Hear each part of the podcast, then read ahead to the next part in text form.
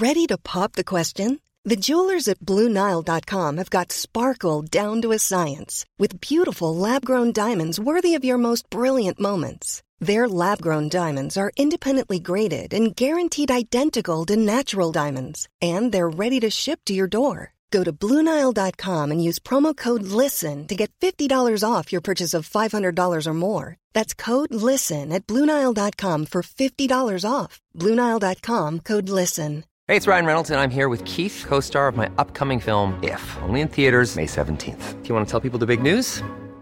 All right, I'll do it. Sign up now and you'll get unlimited for $15 a month in six months of Paramount Plus Essential Plan on us. Mintmobile.com slash switch. Upfront payment of $45 equivalent to $15 per month. Unlimited over 40 gigabytes per month. Face lower speeds. Videos at 480p. Active Mint customers by 531.24 get six months of Paramount Plus Essential Plan. Auto renews after six months. Offer ends May 31st, 2024. Separate Paramount Plus registration required. Terms and conditions apply if rated PG. Millions of people have lost weight with personalized plans from Noom. Like Evan, who can't stand salads and still lost 50 pounds. Salads, generally, for most people, are the easy button, right? For me, that wasn't an option. I never really was a salad guy. That's just not who I am. But Noom worked for me. Get your personalized plan today at Noom.com. Real Noom user compensated to provide their story. In four weeks, the typical Noom user can expect to lose one to two pounds per week. Individual results may vary. Strax efter midnatt den 25 juli, alltså fyra dagar efter avfärd, så får Sjöfartsmyndigheten ett meddelande från det brittiska fartyget Duquesa. Duquesa hade rest ifrån Sydamerika och var nu på väg till Nederländerna och hade alltså i sin färd upptäckt en liten fiskebåt som drivit omkring i havet.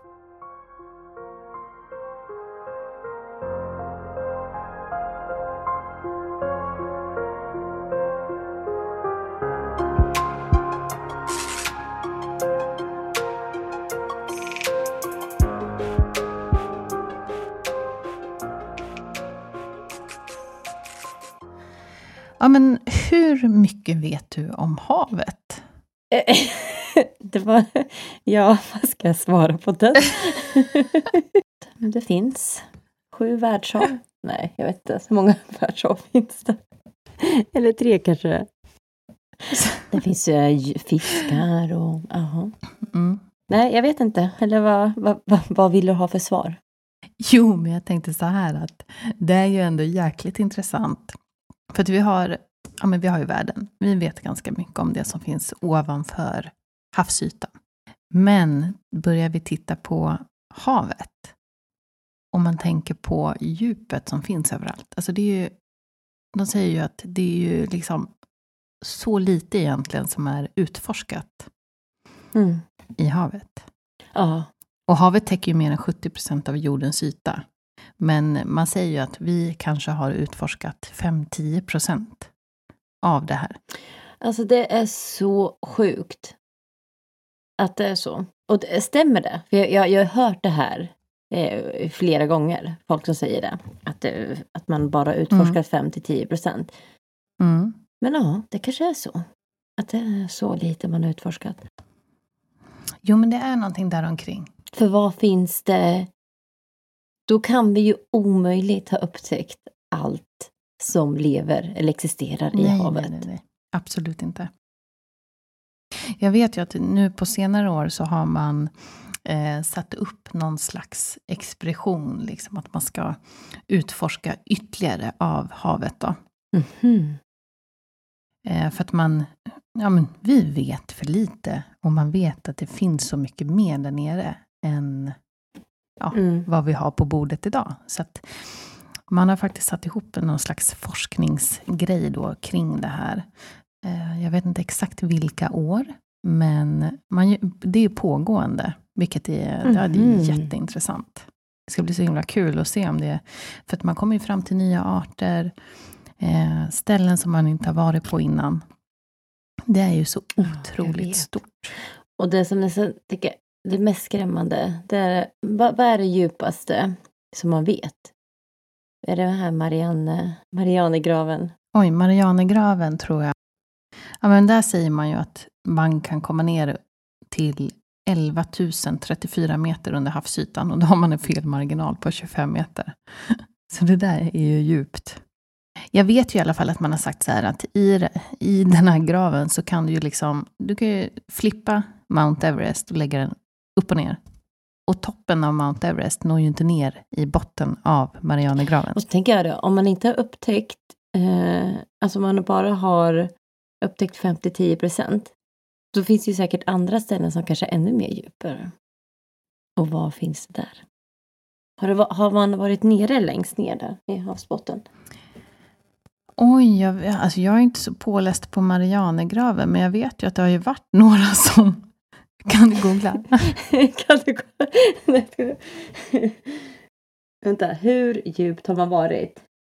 Det är ju besättningen, eh, ja precis, Marianergraven, där har vi ju det var ju en bemannad farkost i alla fall, Trieste någonting, eh, med eh, besättningen som bestod av Jacques Pigard, son till konstruktören av Trieste, och kapten Don Walsh.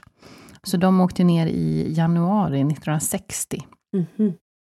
Och då visade det ett djup på 11 521 meter. Sen vet jag inte exakt hur djupt ner de går. Eh, men de kanske kommer ända vägen ner. Men det låter ju också helt sjukt att man... Mm. Men det är ju också bara en plats på, på jorden, som du säger, där man faktiskt har dykt ner så djupt. Och det är ju så stor yta som är outforskad. Vad finns på resten av delen? Jag tycker det är bara jobbigt, du vet, man är ute i skärgården och så vet man att ja, vi har ett sund utanför vårt ställe då. Och så tänker man, ja men gud, det här måste vara jättedjupt. Mm. Ja men vad är det, kanske 12-20 meter. Mm. Alltså det är ingenting. Och så bara Stilla havet, ja men där, ja men 11 000 meter ner. Nej fy fan, att hoppa i där. Jag tycker det är jobbigt att simma ut liksom i sundet ibland och veta att det finns en tångruska där nere som kan killa mig i tårna. Alltså hur många skepp också som ligger på havet. Ja, men jag läste någonting om det. Och någonstans så står det ju att... Eh, alltså håll i dig om du är rädd för det här. Drygt tre miljoner fartyg beräknas ligga utspridda på havsbotten. Åh oh, gud, alltså. Men bara en procent av vraken har undersökts. Mm. Alltså, va? Ja. Jaha, okej. Okay. Svindlande siffra. Det är ju helt mm. sjukt. Mm, helt klart. Eh, men, och utifrån det också så, alltså det har ju alltid berättats om historier på havet. Och konstiga händelser och mysterier. Och en del är ju just det också, historier och sagor. Men man berättar ju om båtar som försvunnit och stora sjöodjur och mystiska händelser i det stora djupa blå. Men så finns det ju de berättelser som faktiskt är sanna. Precis, för i dagens avsnitt så ska ju vi prata om ett sådant fall. En fiskebåt som helt plötsligt inte återvänder hem efter att rutinmässigt fraktat hem gods till grannön. Men så händer det något som är ganska så märkligt. Eller ja, det händer faktiskt fler grejer som är ganska så konstiga. Men vi tar allting från början.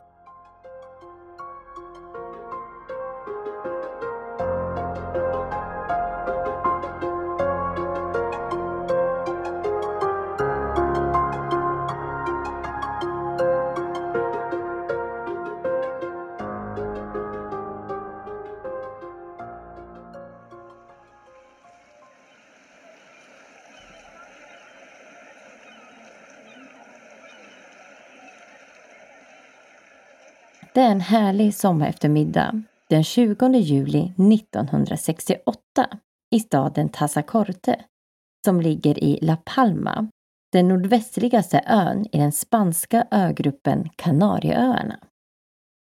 I hamnen så håller 47-åriga Ramon Hernandez och hans 42-årige bror Elberto Hernandez på att fixa det sista inför avfärd med fiskebåten El Fausto.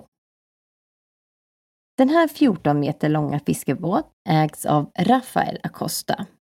Och förutom bröderna så var även deras kusiner, 43-åriga Miguel och 42-årige Viterbo Acosta anställda på båten. Den här dagen så är inte Viterbo med för att samtidigt i Tassacorte så hålls det en festival som han är med och ansvarar för. Men hur som helst, med eller utan Vittebo. Det här är erfarna sjömän. Och de har arbetat på sjön i princip sedan tonåren.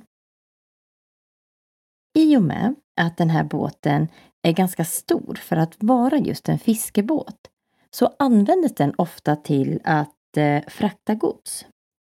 Och just den här kvällen så hade man lastat båten med sprängämnen som senare skulle användas till jordbruksändamål.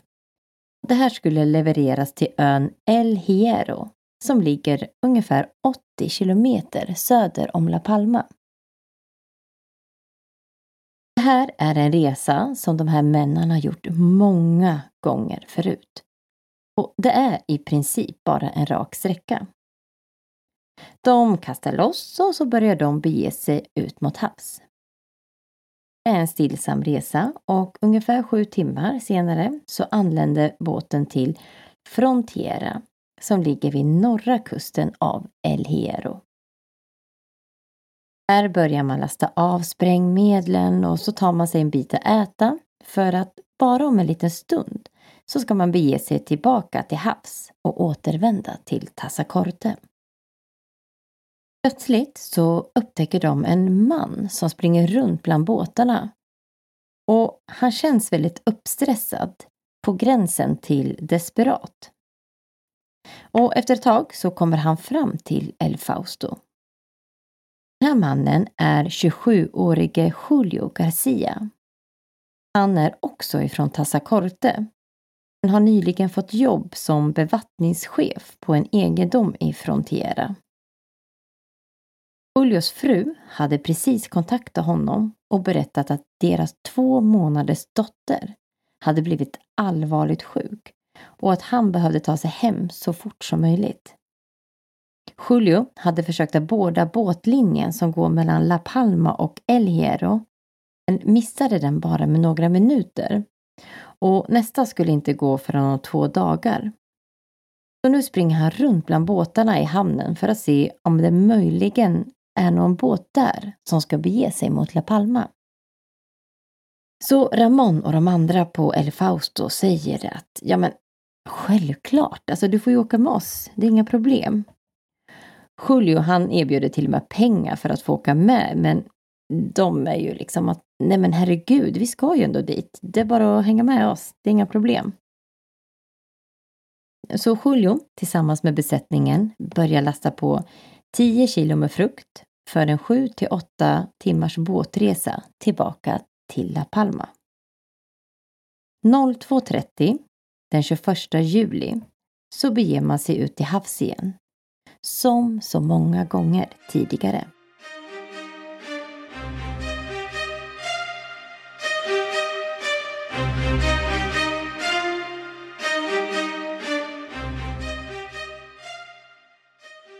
Lite senare på förmiddagen i Tassacorte så väntar man med spänning på El Faustos ankomst. Båten var beräknad att anlända runt tio den förmiddagen och nu så hade klockan passerat några timmar över det. Men fortfarande så hade ingen båt dykt upp. Familjerna börjar ju bli rejält oroliga. Men en som inte var så orolig var ägaren till båten, Rafael Acosta. Han ja, känner ju sina män och vet hur erfarna de är. Så han lugnar familjen och säger att ja, men vet ni vad, de har säkert bara fått ett mekaniskt fel och de har fastnat där ute. Så ja, men jag gör så här, jag skickar ut en annan båt och så får de åka samma rutt och vi kommer hitta dem och de kommer hjälpa dem tillbaka hem igen. Ni behöver inte oroa er. Som jag sa, det här är ju vana sjömän.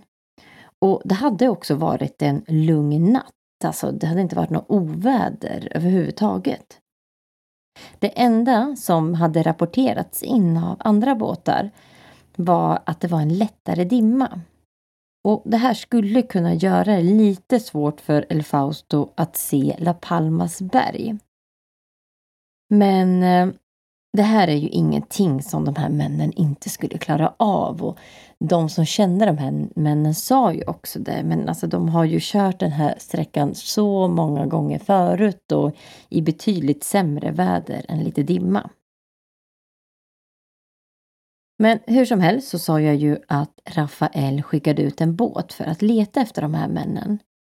Och de rapporterade så småningom tillbaka att nej, de hade inte hittat någonting.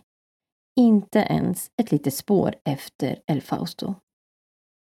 Nu börjar till och med Rafael bli orolig och börjar misstänka att någonting mer olycksbådande har hänt. Han kontaktar direkt myndigheterna och strax därefter så skickas ett nödmeddelande ut till alla båtar i närheten. Det står nu klart att El Fausto officiellt saknas.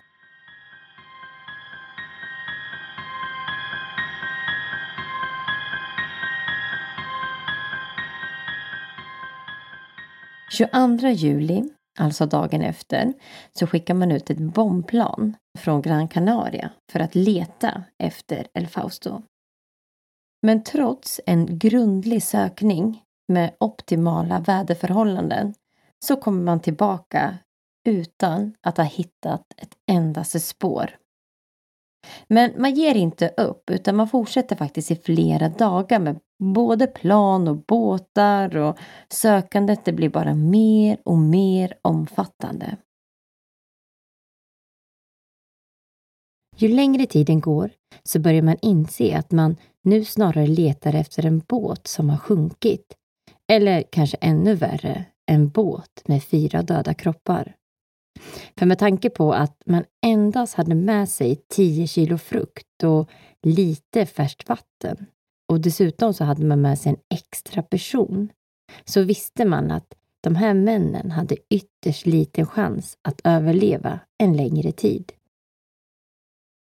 Strax efter midnatt den 25 juli, alltså fyra dagar efter avfärd, så får Sjöfartsmyndigheten ett meddelande från det brittiska fartyget Duquesa. Duquesa hade rest ifrån Sydamerika och var nu på väg till Nederländerna och hade alltså i sin färd upptäckt en liten fiskebåt som drivit omkring i havet. Besättningen på den här fiskebåten hade använt sig av en ficklampa för att signalera sin position och inte långt efter så rapporterar Duquesa in att det är självaste El Fausto som man har hittat. Det rapporterades på en plats som var cirka 190 kilometer väster om La Palma, alltså helt fel ifrån deras planerade rutt. Männen var uttorkade, hungriga, solbrända, men vid liv.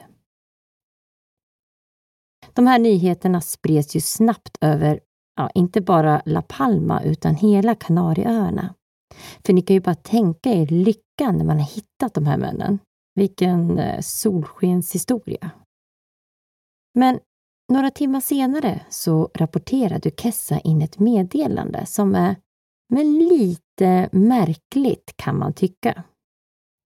För att efter man hade försett männen med mat och vatten så hade man också erbjudit sig att boxera hem båten till La Palma igen. Men det här hade besättningen på El Fausto vägrat. De hade då sagt att nej, nej, det är inget fel på våran båt. Vi har inga mekaniska fel och nej, men vi mår bra. Det är ingen fara med oss. Och kaptenen på Duquesa hade bara, men vad gör ni här ute då? Det här hade man inte riktigt svarat på utan man hade i stort sett bara fortsatt att nej, nej, det är ingen fara. Vi behöver bara lite bränsle och mat och vatten så att eh, vi kan ta oss hem igen. Allt är okej. Okay. till och med Julio, som hade en två månaders bebis som var allvarligt sjuk, var också att nej men allt är lugnt, vi klarar oss. Senare så ska besättningen på Duquesa sagt att även om de här männen var skärrade efter den nära döden-upplevelse som de hade varit med om, så var det långt ifrån ett mentalt sammanbrott som vanligtvis skeppsbrutna människor kan påvisa. Men det fanns inte så mycket som man kunde göra utan de gav väl Fausto tillräckligt med bränsle och mat och vatten för att klara sig hela resan hem. Och så ser de hur El Fausto börjar segla hem mot La Palma igen. Och klockan 19 så sänder Duquesa ett meddelande igen och berättar att El Fausto är på väg tillbaka. Och de beräknas vara framme om ungefär ett dygn. Hemma i Tassacorte så var det en överväldigande atmosfär av glädje och lättnad. Runt 18-tiden så hade hela staden samlats vid hamnen för att se El Fausos återkomst. Det hann ordnas med en stor fest med vin och mat och de här männens familjer var ju självklart i centrum. Men familjerna, de kunde ju knappast slita blickarna ifrån horisonten när de väntade in deras käraste. Klockan gick och tiden passerade 18 men ingen El Fausto dyker upp. Och familjerna börjar ju nu bli mer och mer oroliga. Men alla där försöker lugna dem och säger att nej men alltså, vi pratade ju med Duquesa. Männen var okej okay och de har fått tillräckligt med mat och vatten och bränsle så att de, de kommer. Det, liksom, ni behöver inte oroa er. Timmarna går och förutom några båtar som hade seglat iväg för att möta upp El Fausto så var det tomt ute vid horisonten. Människor börjar nu lämna hamnen och kvar står fruar och barn till de här sjömännen som väntar förtvivlat för att bara inse att deras män än en gång saknas till havs. 26 juli så drar man åter igång en sökinsats och den här sökinsatsen skulle bli den största i Spaniens historia upp till den här dagen och kostar runt 20 miljoner kronor. Man skickade inte bara ut ett bombplan utan fyra stycken med instruktioner att flyga exakt mot den plats som El Duquesa hade stött på El Fausto. Man skickade också ut båtar, både militära och civila, och man täckte alltså ett enormt område. Den här insatsen pågick i flera dagar, men man hittade inte ett dugg. Två månader passerade och familjerna hade ju nu förlikat sig med att nej, men deras män kommer aldrig mer komma tillbaka. Under den här tiden så var det italienska handelsfartyget Anna di Maio på väg till Venezuela och befann sig nu någonstans mitt i Atlanten. Det var en stillsam morgon när de helt plötsligt upptäcker någonting framför dem. En liten fiskebåt som drev omkring utan att det fanns någon vid ratten. Och De såg också att det här var ingen båt som var gjord för segling över havet. De seglar närmare och kan till slut urskilja namnet på båten, El Fausto. De bestämmer sig för att båda den här lilla båten och upptäcker att det varken finns någon person på däck eller i hytten. Det såg ut som att man bara hade övergivit båten utan några som helst spår. För man kunde inte heller hitta några tecken på våld eller skador på båten.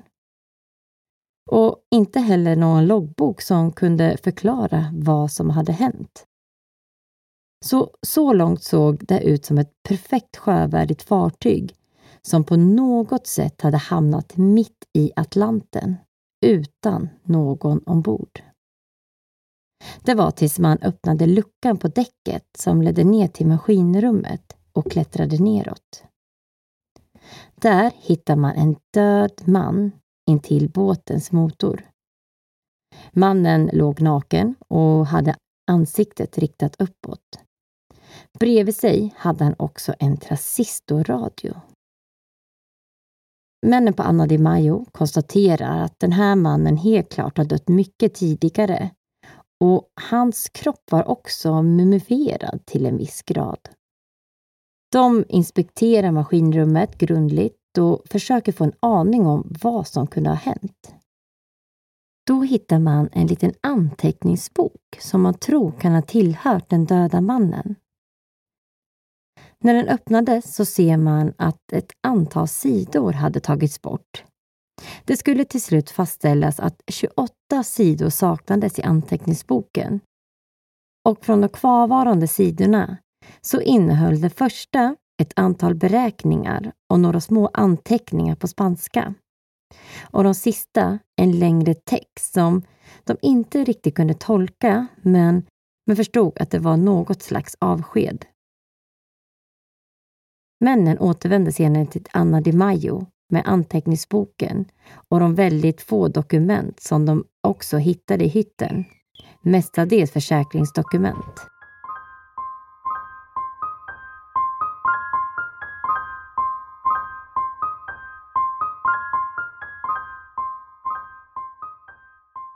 Hemma i La Palma så väntar man återigen på att få hem El Fausto. Kanske inte med samma glädje som sist, men ändå med en lättnad att få kunna få svar på vad som hade hänt.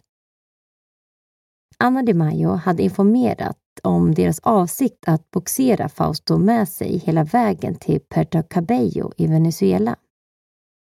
De lovade också att skicka ett kuvert till Spanien med några dokument som de hade hittat ombord. Efter bara mindre än två dagar från att Fausto skulle återkomma så får de spanska myndigheterna ett telegram från Anna de Mayo. Meddelandet är ganska bisarrt. För de säger att när de skulle boxera El Fausto så hade det sjunkit tillsammans med den döda kroppen. Så småningom så kom anteckningsboken till La Palma och den visades för offrens familjer. Det var slutligen Julio Garcias fru, Luz, som kände igen den som sin mans anteckningsbok där han brukar skriva ner sina personliga betalningar från de tjänster som han gjorde. De sista sidorna innehöll ett avsked från Julio till sin fru där han instruerade henne om hur man skulle gå vidare med de försäkringar han hade betalat för och hur man skulle kunna sälja fastigheter så att hon inte skulle finna sig utan pengar efter hans död. Texten slutade med Berätta aldrig för våran son allt som har hänt mig. Du vet att Gud vill ha det här ödet för mig. Älskar dig. Julios fru bekräftar också att det var hennes mans handstil. Så det här lämnade familjerna bara med mer frågor än svar. För att om nu Julio var medveten om sin död, varför hade inte han skrivit ner och berättat vad som hade hänt? Eller hade han gjort det på de här sidorna som senare hade rivits bort?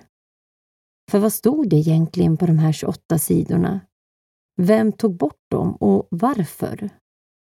Vad hände med resten av Faustos besättning? Varför vägrade de att boxeras tillbaka till La Palma av Duquesa? Och varför sa de att ingenting var konstigt när de hittades för första gången? Varför gav de inte någon förklaring till vad som hade hänt under deras första försvinnande? Och varför valde inte Julio att åka med Duquesa? Eller i alla fall insistera på att bli boxerade? Han som var så desperat att komma hem till sin fru och sjuka bebis.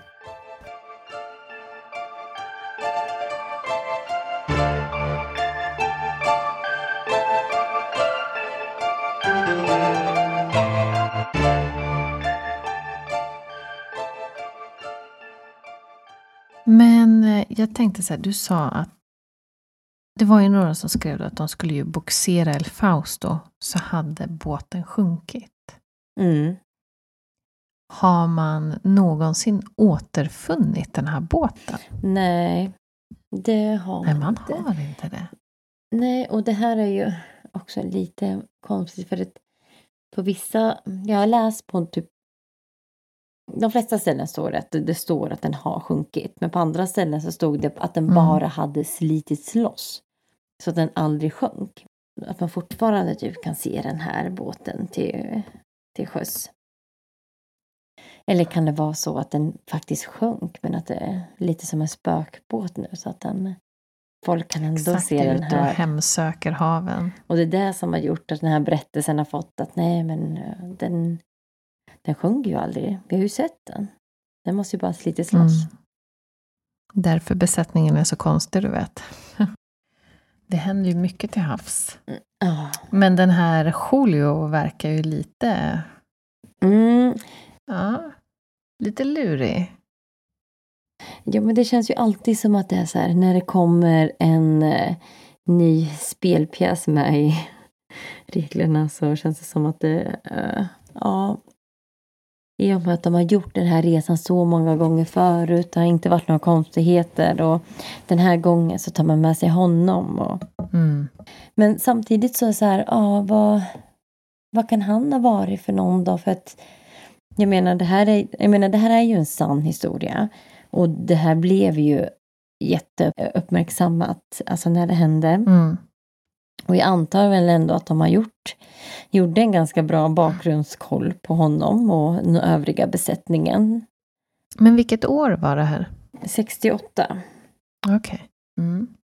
Visst, man kanske inte, det kanske inte är som idag då, men ändå att hade han varit Jo, men det är inte 1700-talet. Nej så. men nej, lite så. så. Jag menar, var det Mm. något? Och de hade ju ändå kontakt med hans fru och den checken borde man ändå kunna ha gjort då. Att men hade han faktiskt eh, en son hemma eller Mm. dödssjukt barn?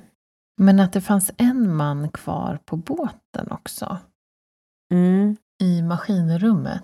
Och det här tror man ju då är Julio. Men Jaha, man tror det. ja, man tror det. Men samtidigt kan man ju inte veta då i och med att den eh, kroppen försvann ju när båten sjönk. Och bara den grejen är också bisarr. Ja, just det. Men han var ju typ lite mumifierad sa du. Men vad, Mm. mumifierad, vad menas med det? Alltså är man eh, så här, ihoptorkad? Som typ så här, torkat kött? Ja, det, Tänker, det är den bilden jag får. Men Ja. mumifierad, annars är det ju liksom att han ska vara inlindad och grejad. Vem gör så? Nej, Jag tänkte mer att han var alltså, i ganska bra skick. Alltså jag tänkte Mm. det att, att han inte hade hunnit ruttna för att han var mumifierad. Så tänkte jag. typ. Nej, det var inte oidentifierbart helt och hållet An- i alla fall. Ja, Mm. exakt. Så tror jag att det var. Nej, men det har ju ändå kommit upp. Alltså, ska, om jag tar några av de teorierna som man pratar om. Så Mm. Den eh, kanske mest eh, officiella förklaringen, eh, eller jag vet inte om den officiella förklaringen, men mer, vad säger man? Accepterade förklaringen är att ja, men lite mekaniska, små mekaniska fel, flera bakslag, små bakslag eh, under en längre tid och det har gjort dem förvirrade och jada jada. Sen vad det är för eh, bakslag de har stött på. Det har väl inte varit eh, ja, helt Mm. klart. Så, Men, men på ett sätt, tänk att man är ute och seglar på det här stora havet, vilket man själv aldrig har varit. mm, Eh, men de ska ju resa ganska länge då. Och helt plötsligt så går du ur kurs och du har ju bara mat och dryck för kanske en viss tid. Och när du går förbi det eh, och den här bo- andra fartyget då, Duquesa, eh, träffar på dem. Man kan ju förstå, du vet, att kanske människor är förvirrade eller konstiga när man liksom inte har ätit och druckit ordentligt och du är ute på havet. Det kan ju vara stormigt eller andra ansträngande förhållanden. mm. Så på något sätt kanske man kan förklara just deras beteende. Ja, absolut. Men så tycker jag så här, att alla är så. Är inte det också lite otroligt? Eller? Ja, men man... Men jag, tänker, jag tänker, jag förstår om det här, kanske några Mm. personer blir så, men att någon borde väl ändå vara klar nog att eh, jag vet inte, och sen när de ändå får i sig, för att som jag förstod det så, så jag menar, när Kessa hittade dem så fick de ju liksom mat och liksom, de såg till att de fick mat och eh, vatten i sig och var väl kvar med dem ett tag. Och då tänker jag, då kanske man ändå hunnit återhämta sig efter allt det här chocken Mm. och bara, "Åh, ta oss bara härifrån nu. Ja, men de var ju redan döda, tror du inte det? Mm, säkerligen. Nej, sen börjar man prata om eh, att, eh, men att det kan vara pirater. Har de blivit liksom, och att de här männen som Duquesa stötte på faktiskt inte var den riktiga besättningen, utan det här kanske var ett gäng pirater då som hade tagit båten och att det var därför de inte ville eh, bli boxerade hem. Mhm. Oj, men det var ju ändå en spännande teori. Mm. Ja men det är det ju absolut. Men sen så, liksom så många skriver att dels så Ja visst, pirater har ju funnits i alla årtionden. Men de här, om man säger nutida piraterna, det började ju inte förrän vi, ja vad var det? Vad sa 80-talet kanske det började. Och just att det har ju inte varit Just Mm. Spanien, den här spanska kusten, eller Kanariekusten, där har ju inte varit... eh, Nej, men där har det väl inte varit samma... Nej. eh, Det har inte varit eh, piraterier i samma utsträckning där. Vad man vet i alla fall. Eller vad jag vet. Nej, precis. Och visst, det kan ju säkert hända. Men också en grej i och med att de här männen i Duquesa hade ju blivit utfrågade när de eh, ja, i, i efterhand. Alltså borde inte de ha, de borde väl ha fått sett bilder på männen som har försvunnit och kunna då säga att nej men det där var inte de vi träffade på. Men tror du de har det med sig ut på havet? Jag tror inte det på den tiden. Tror du det? Nej, men jag tänker i efterhand så har de väl liksom fått se bilder på de här männen. Okej, det här var de här männen som saknade. Var de här männen som ni stötte på? Va, ja, det var de här. Ja, bra fråga. Eh, Var det verkligen El Fausto som ni träffade på? Var det de här männen? Ja, de hade sagt att det var fyra män också. Mm. Ja, det är inte så jävla många människor. Det är inte en besättning på 30 pers liksom. Nej, Nej jag tänker det. De borde ha känt igen de här männen, tänker jag. Ja. Nej, faktiskt. Där har du en poäng. Sen, eh, ja, vad pratar de mer om? Att det, men det var med smuggling till exempel. Att det har någonting med det att göra.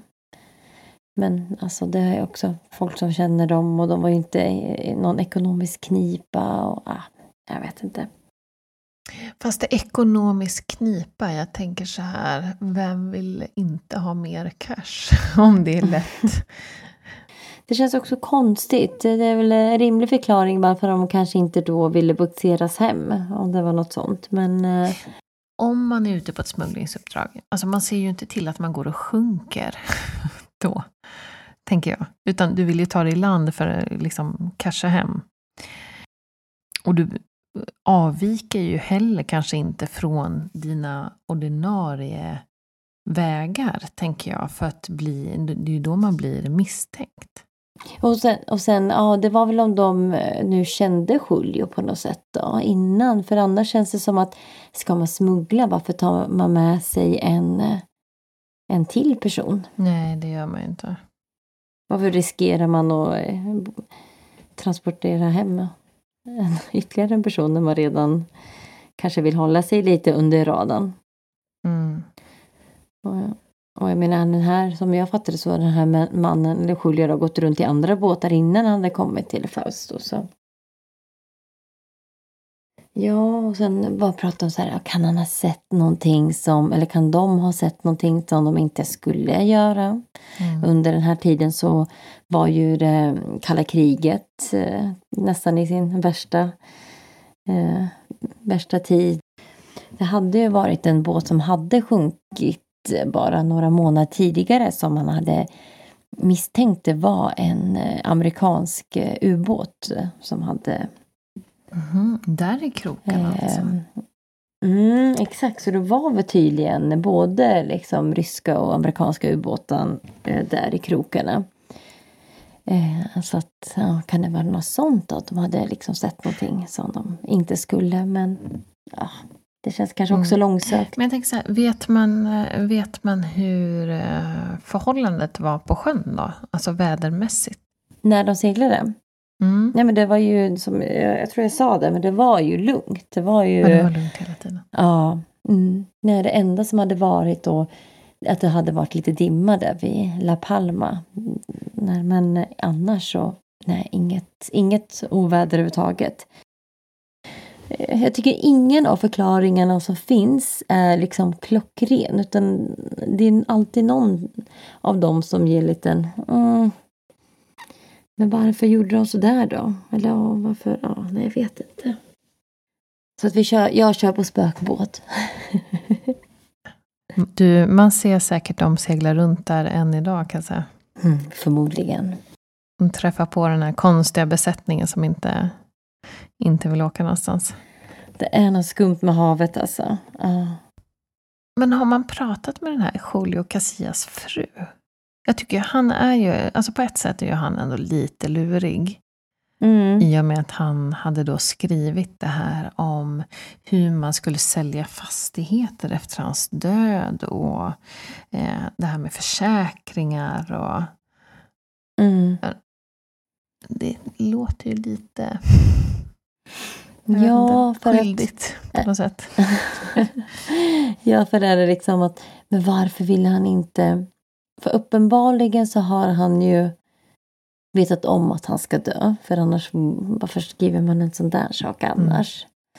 Och är det liksom, för han skrev att berätta inte för min son vad som har hänt mig. Menar han då den här historien? Eller har han gjort någonting innan då som är något fruktansvärt? Och nu mm. Han är ute på havs och tar livet av sig. Men det kanske mm. är som att varför göra det på mm. Finns det smidigare sätt att göra det på än att kasta av fyra män från en båt och sen låta sig... göra det, ja. sen låta sig själv dö mitt i havet. Ja, nej, det är lite väl ambitiöst. kan jag tycka. Nej, jag tror ju... Antingen så är det ju den här Julio. Jag håller med. Jag tror att han... Eh, ja, som är boven i dramat. Men, men eh, har han offrat då hela besättningen och själv dör sen i maskinrummet? Det låter ju också konstigt. Ja, men jag lägger mig här och dör.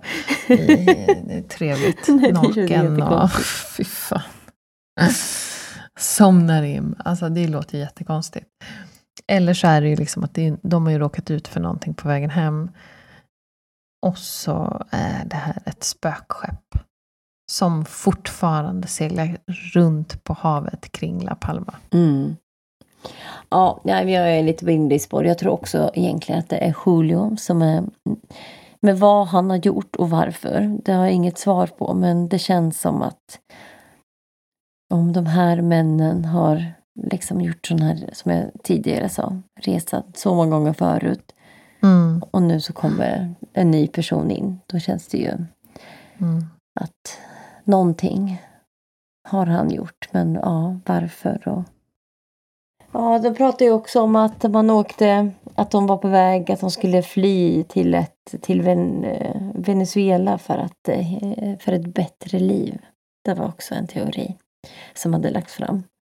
Och några. Att de skulle fly till Venezuela? Mm. För ett bättre var... liv. Varför just Venezuela? Okej, okay, Venezuela. Men det kanske var någon som kom därifrån då? Eller? Härstammar därifrån? Jag vet inte. Det, det kanske var Nej. bra Venezuela på den här tiden. jag vet inte. Ja, men det kanske var det som var närmast Jag tänkte typ så knark och pengar och sådana saker. De kanske, ja. Mm. Ja men hur, okej, okay, skit i Venezuela då. Men att de skulle eh, åka någonstans för ett bättre liv. Vad tror du om den teorin? Eh, nej, generellt. Eller eh, rent spontant. I och med att de har sitt liv och familjer. Och de verkar ha gjort de här, de här resorna också till och från. Så att, nej, det låter ju orimligt. Men jag vet inte, det kanske man, har man frågat familjen om det, skulle de eh, liksom... Hade det varit helt jättekonstigt om de hade dragit någon annanstans. Men sådana försvinnande händer ju för sig hela tiden. Ja. Att folk blir trötta på sina liv någonstans och tar, tar sin väska och drar utan Men att du- säga något. Men då är där- återigen med han eh, Julio då. Exakt, varför tar man med Julio till Venezuela? Stackarn.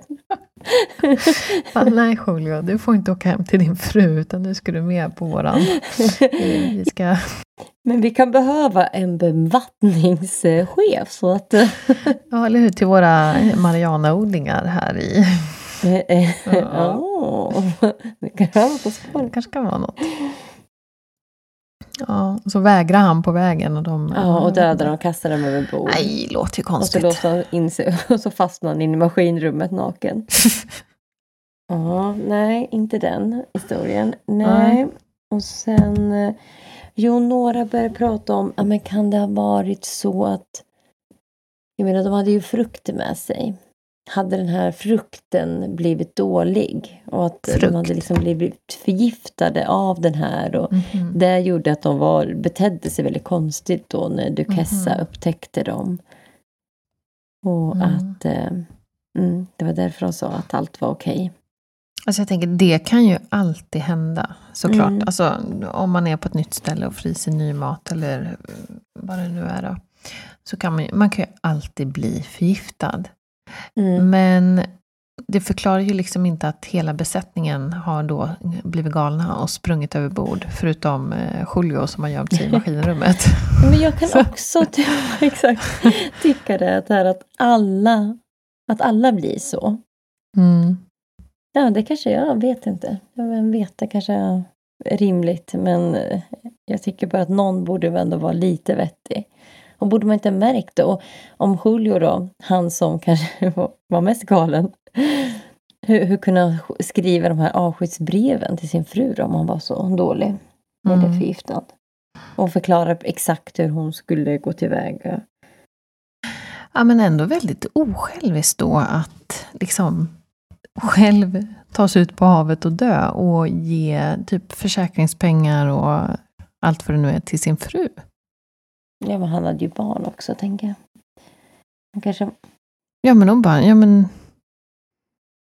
Ja, men barnet höll ju på att dö. Så att, Nej, men, va?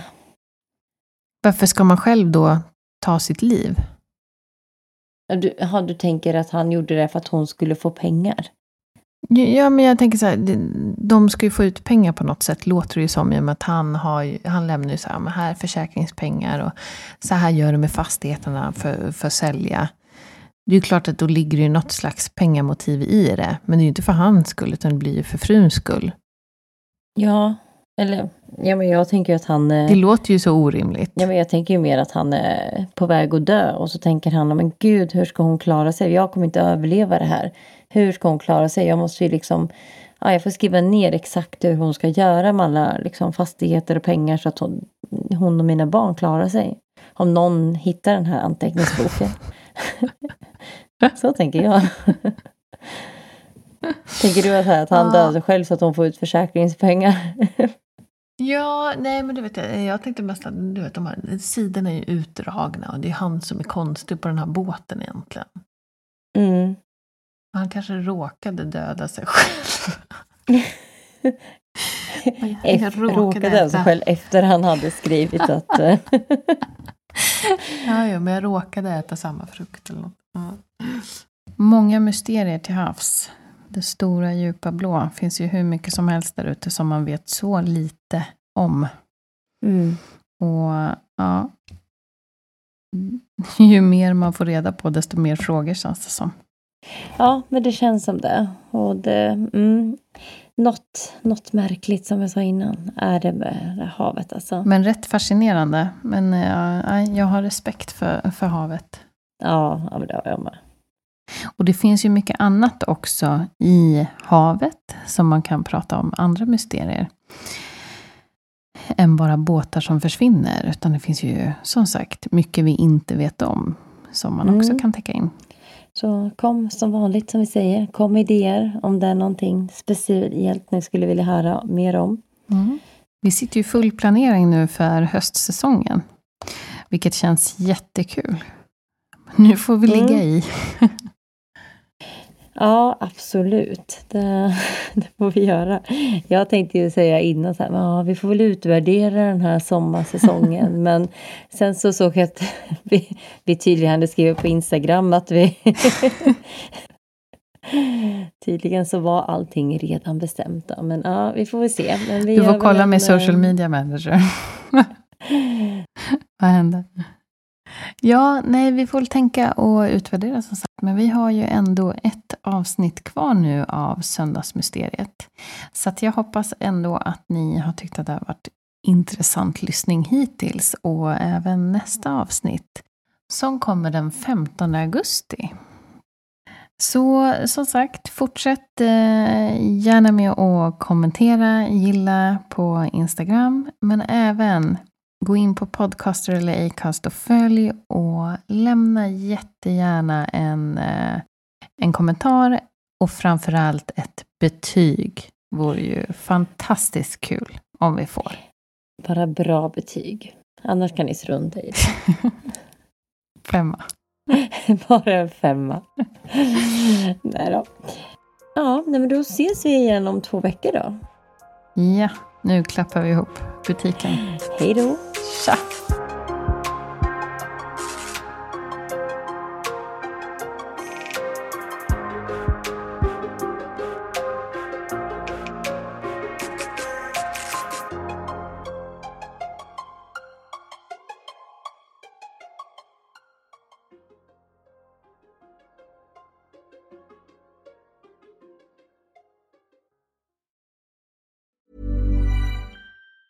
Even on a budget Quality is non-negotiable. That's why Quince is the place to score high-end essentials at 50 to 80% less than similar brands. Get your hands on buttery soft cashmere sweaters from just 60 bucks, Italian leather jackets, and so much more. And the best part about Quince, they exclusively partner with factories committed to safe, ethical, and responsible manufacturing. Elevate your style without the elevated price tag with Quince. Go to quince.com slash upgrade for free shipping and 365-day returns. Even when we're on a budget, we still deserve nice things.